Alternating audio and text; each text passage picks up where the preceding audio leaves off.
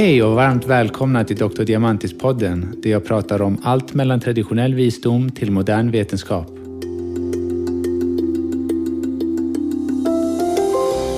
Idag kommer jag försöka förklara för er vad akupunktur är, hur det hela började och varför folk världen över använder sig av denna behandlingsmetod och känner sig bättre. I förra avsnittet pratade jag om teorin bakom yin-yang och människans relation till naturen. Idag kommer vi bygga vidare på det och se flera exempel på naturens rytm och hur de antika kineserna upptäckte det som finns där ute, men även inne hos oss. Vi kommer gå igenom vad meridianer är samt vissa akupunkturpunkter som du kan använda dig av själv genom akupressur. Avslutningsvis får ni höra vad min fru råkade ut för i Kina och hur akupunktur hjälpte henne direkt. Vad jag vill göra idag är att ge er en unik inblick i akupunktur som man inte hittar i böcker. Jag vill dela med mig hur jag tänker och känner, så låt oss börja från början. Inget i hela universum står stilla. Allt är i ständig rörelse, från elektronerna som snurrar runt protonerna till ett kosmiskt andetag av hela universum. Denna rytm har en specifik riktning, så som jordens magma börjar från kärnan och går upp mot jordskorpan, går längs jordskorpan där den kyls av och sen neråt igen. Denna riktning påverkar livet här uppe på ytan genom att orsaka vulkaner och jordbävningar. På liknande vis är jordens alla sju hav sammankopplade i ett gigantiskt kretslopp som sträcker sig jorden runt. Skulle en av strömmarna påverkas såsom Golfströmmen skulle leda till förödande konsekvenser för oss här uppe i Norden. Tar vi oss upp mot himlen hela vägen upp till stratosfären så blåser det konstant i en viss riktning. Dessa vindar korsar dock inte ekvatorn. Det är därför radioaktivt avfall skulle inte nå södra halvklotet och vice versa vid en olycka som Tjernobyl. Dessa tre exempel finns på grund av förflyttning av energi från ett ställe till annat. Så enkelt är det. Relativitetsteorin har lärt oss att materia och energi är inte två separata saker, men ett som uttrycker sig på olika sätt. I Kina skrevs böcker för tusentals år sedan att energi och materia är två sidor av samma mynt. Det är bland annat vad yin-yang står för. Yin är mer kondenserad och har mer substans medan yang är immateriell och har mer energi. Det förklarade att blod flödar genom kroppen delvis tack vare hjärtats funktion men även för att yang qi, vilket energi, ger blodet kraft att flyta genom kärlen medan yin blod ger näring till energin för att kunna upprätthålla sig. Qi-energin flyter inte bara i kärlen men även i egna kanaler som vi kallar för meridianer. Dessa energikanaler sträcker sig horisontellt och vågrätt över kroppen men även ytligt och djupt och omfamnar hela dig. De viktigaste energikanaler tillhör våra primära organ och är 12 i antal. De är uppdelade i sex yang-kanaler, eller meridianer, och sex yin-meridianer. Förutom de 12 meridianerna har vi två jätteviktiga som går i mitten av kroppen som en horisontell cirkel runt kroppen. De båda börjar djupt inne mellan naveln och pubisbenet och kommer till ytan via perineum, vilket är mellan anus och könsorganet. Det ena är yang och går längs ryggraden och den andra är yin och går i mitten på framsidan över naveln. Yang-meridianen som går längst ryggraden går upp till huvudet, över huvudet, mellan ögonbrynen för att sluta på framsidan av gommen strax bakom tänderna. Medan yin-meridianen går i mitten av magen, mellan brösten och slutar i tungspetsen. För att koppla ihop dessa två energikanalerna och ha en balans mellan yin-yang ska man låta tungspetsen vila bakom övre framtänderna på gommen, speciellt när man sitter och mediterar. Jag vill bara tillägga att den främre energikanalen som är yin blir mer aktiv under graviditeten hos kvinnor eftersom graviditet är en yin-aktivitet. Och den orsakar pigmentering över huden, över magen hos flesta gravida kvinnor. Blod är yin och håret en förlängning av blodet enligt kinesisk medicin som ger näring till håret och gör det tjockt och glansigt under graviditeten. Men på grund av att man förlorar så mycket blod under förlossningen så får man brist på yin-blod som inte kan nå upp till håret och ge det näring, vilket resulterar att man tappar det. Meridianer är något abstrakt som kan vara svårt att relatera till, men en sak som gjorde att jag kunde relatera till meridianer var något som jag lärde mig under naprapatutbildningen och kallas för refererad smärta. Refererad smärta är när smärtan känns i ett annat område än där problematiken är. Har du hört att din huvudvärk kan vara orsakad av spända muskler i nacken? Dessa spända muskler kan orsaka något som vi kallar för triggerpunkter, som orsakar just denna refererade smärtan, som inte kan förklaras varken med muskelfysiologi eller neurologiskt.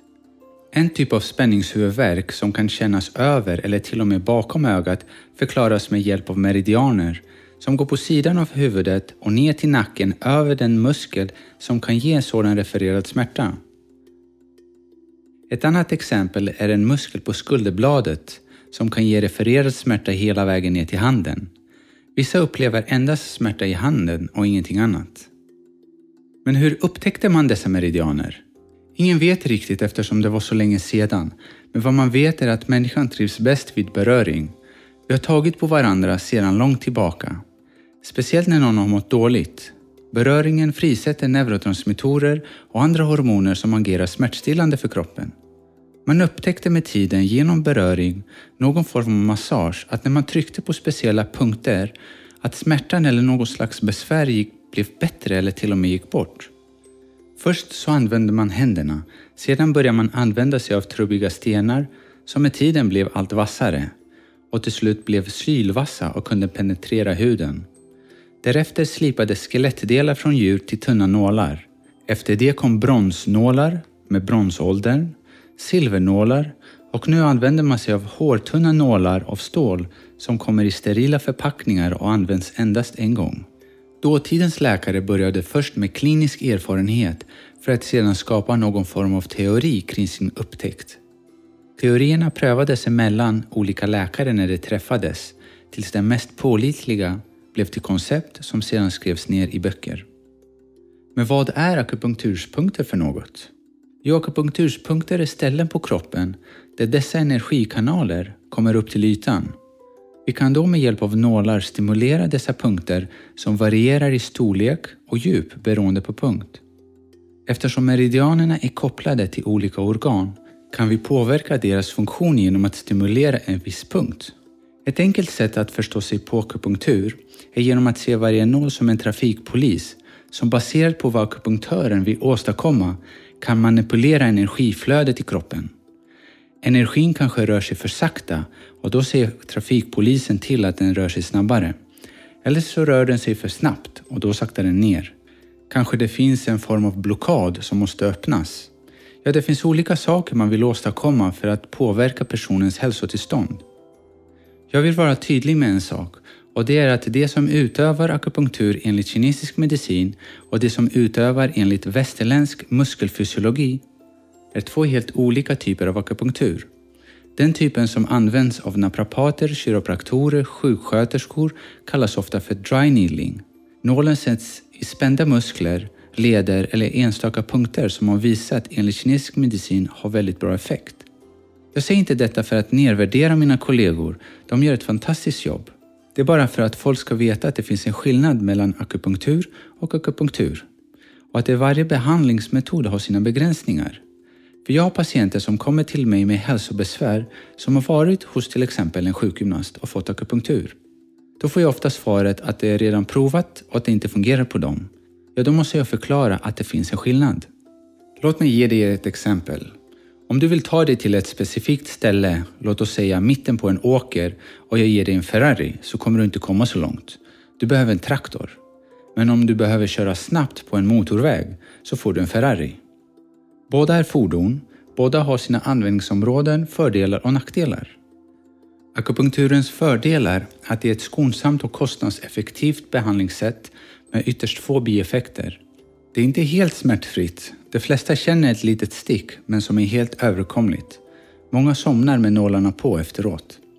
Dess nackdelar är att man kan komma åt små kärl som spricker och kan orsaka små blåmärken. Man kan även stimulera en nerv lite för mycket som gör att man känner av området ett tag framöver innan det avtar. Tillstånd som akupunktur har svårt att hjälpa med är när man har brist på energi då självaste behandlingen manipulerar energi. Så om det inte finns tillräckligt med energi har den inget att jobba med.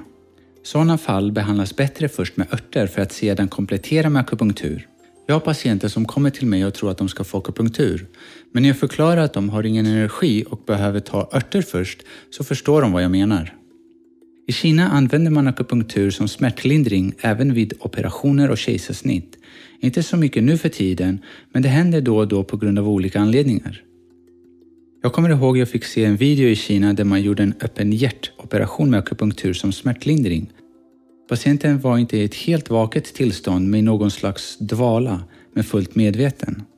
Detta är endast ett av många exempel på hur akupunktur fungerar. Men vad säger forskningen? Har det bevisats att det verkligen funkar?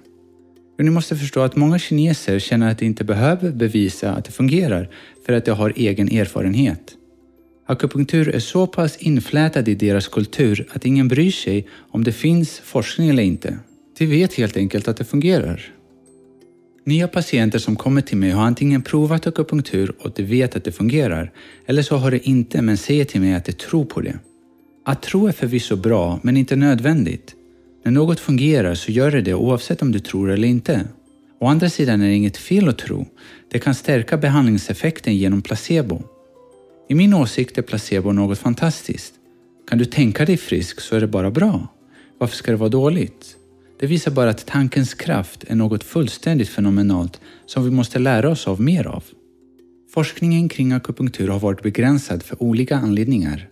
En anledning är att man vill helst använda sig av en nål, en effekt inom forskningsvärlden, cause and effect, vilket inte är riktigt sättet som akupunktur fungerar. I en behandling använder man sig av mellan 10 till 50 olika nålar beroende på vilken typ av akupunktur man använder sig av. Det kan vara kinesisk, japansk, koreansk och så vidare. Anledningen till att någon mår dåligt kan vara multifaktoriell, det vill säga flera faktorer inblandade som magproblem och sömnsvårigheter, migrän och så vidare, som har samma grundorsak. Samtidigt kan det vara så att din migrän och min migrän är orsakad av olika anledningar. Trots att vi har speciella punkter som man använder sig av vid ett typ av symptom så är det aldrig att man använder sig av samma punkter för två patienter med samma åkommor.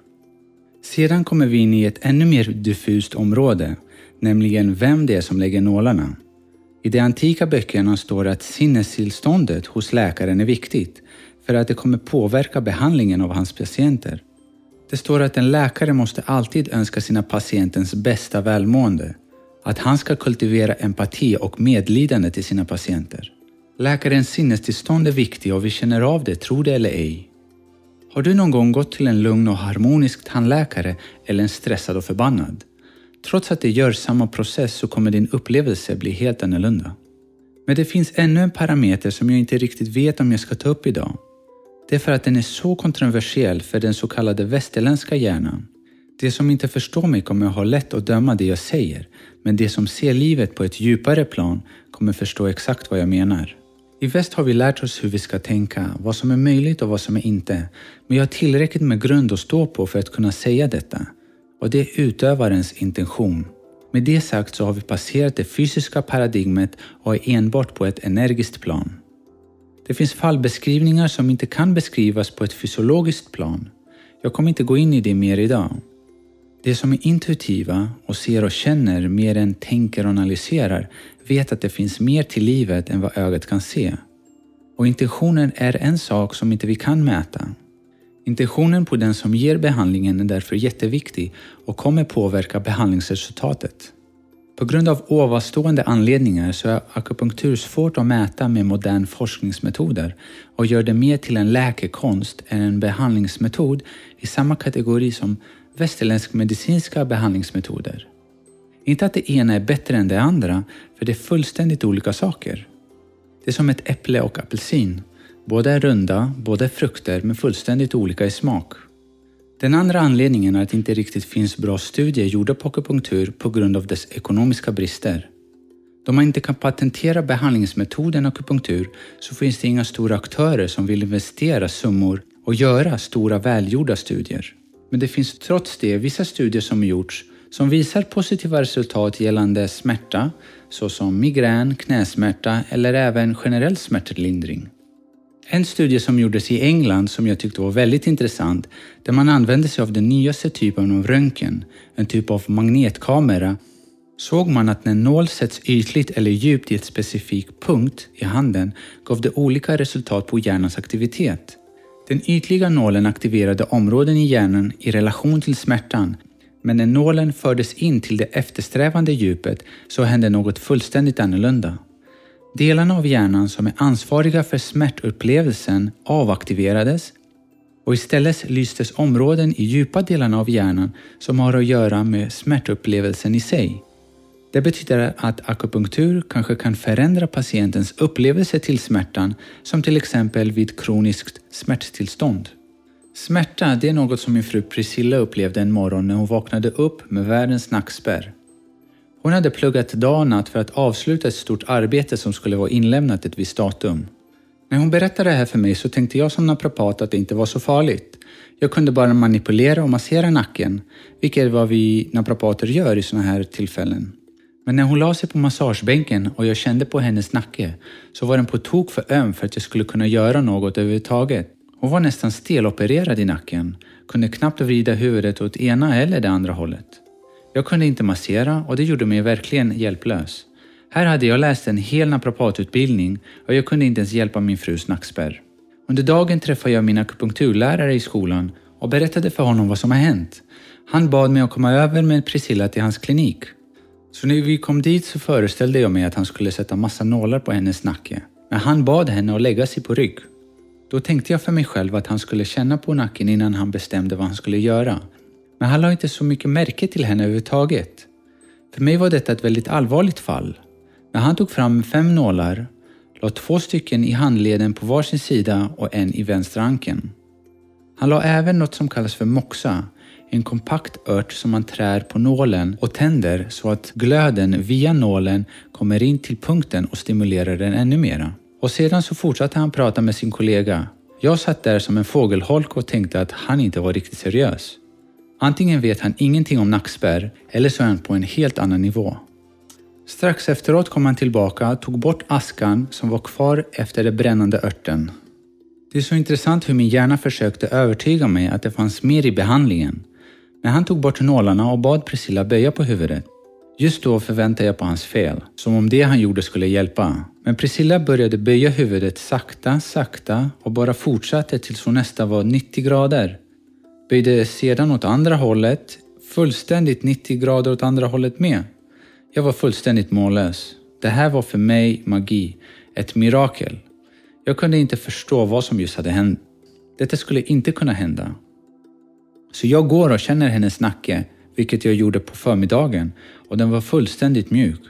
Vad var det här? Vad var det som hände? Jag sa till honom, hallå, berätta. Det var så coolt att det inte var roligt. Han skrattade såklart och berättade att vid akuta nackbesvär så använder man sig av speciella punkter eftersom meridianerna går hela vägen till nacken. Det intressanta är att när jag läste akupunkturskurserna på universitetet senare i min utbildning så blev det självklart till varför han använde sig av just de här punkterna. När patienter kommer till mig är det två saker som jag försöker åtgärda primärt med hjälp av akupunktur. Det är att få dem att slappna av, vilket betyder att få deras nervsystem över till så kallat för parasympaticus. Det är den del av nervsystemet som har att göra med vila och återhämtning, läkning, avgiftning bland annat. Detta sker inte när vi är kroniskt stressade, vilket många av mina patienter är idag. Många har hamnat i en ond cirkel där stress gör dem mer utmattade och försämrar absorptionen av mat och näring som i sin tur försämrar deras hälsotillstånd. Att äta är något heligt berättar jag till mina patienter. Jag rekommenderar dig att ta fem minuter innan du äter och bara varva ner och andas djupt med magen. Bort med alla skärmar för att kroppen vet inte att mat är på väg ner ifall vi tittar in i en skärm. Tugga igenom maten snälla. Vi är inga rovdjur som kan bara svälja stora stycken mat. För vi är inte vad vi äter, vi är det vi kan absorbera. Den andra viktiga saken som jag försöker åtgärda vid eventuella behov är sömnen. Det är viktigt att man får i sig tillräckligt med djup sömn för att läkning sker endast när man sover djupt. Många har problem med sömnen för att deras hormoner är upp och ner. Det utsätts för för mycket blåljus som är en våglängd av ljus från skärmar som stör hormonbalansen i kroppen och gör det svårare för oss med insomningen. Ett patientfall som jag kan dela med mig handlar om en överambitiös ung kvinna som tog universitetsexamen för fyra år sedan och fick ett ganska så snabbt ett superbra jobb hon var överlycklig över. Vad jag ser hos många unga ambitiösa är att det ger 100% när de får det eftertraktade anställningen i ett stort företag. Hon var nyanställd och ville visa framfötterna så hon tog på sig extra arbete. Hon jobbade oftast övertid och gjorde väldigt bra ifrån sig. Hon offrade allt mer tid för att prestera och började hoppa över hennes gympass. Efter ett tag så kom första influensan. Hon stannade hemma knappt tills hon blev bra och gick tillbaka till arbetet direkt. Hon orkade knappt jobba igenom dagarna och gick sedan snabbt hem för att sova. Ingen ork eller tid för att planera vad hon behövde laga för mat.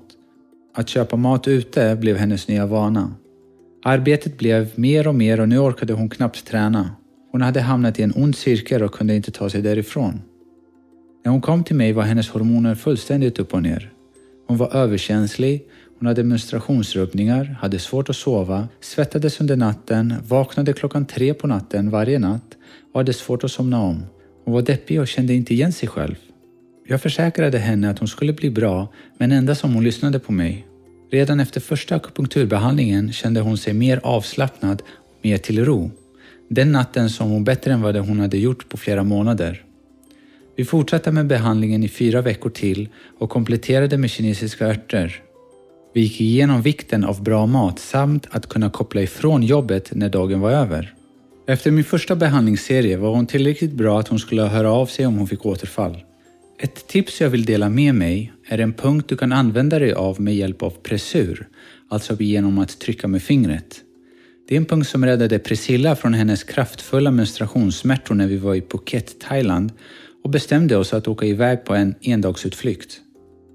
Priscilla har alltid fått väldigt ont i första dagen under hennes menstruation och då menar jag väldigt ont. Just den dagen var vi på utflykt och hade inte med oss smärtstillande tabletter och heller kunde inte vi återvända tillbaka.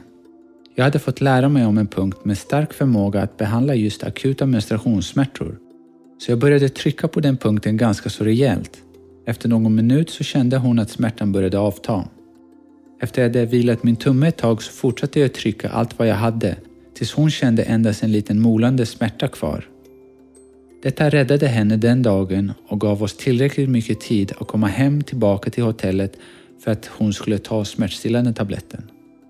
Jag ska försöka förklara vart den här punkten ligger. Denna punkt är en korsning av tre yin-meridianer och är fyra fingrar bredd från insidan av ankeln. På insidan foten har vi en stor knöl, en skelettdel som sticker ut. Om du för ihop alla fingrarna på din högra hand och lägger ditt högra lillfinger precis ovanför fotknölen på insidan av din vänstra fot så är punkten fyra fingrar ovanför. Det vill säga precis över ditt pekfinger men på insidan av längsgående skelettdelen. Akupunktur är en fantastisk behandlingsmetod som jag hoppas fler ska ta del av. Det kan hjälpa dig med små besvär eller symptom till att komplettera en större behandling. Detta var allt för mig. Hoppas att ni fann dagens avsnitt väldigt intressant. Vill du få mer värdefull tips på hälsa och livsstil så är du välkommen att följa mitt Instagramkonto som är Dr. Diamantis med C, där du kan även ställa frågor eller bara skriva en kommentar.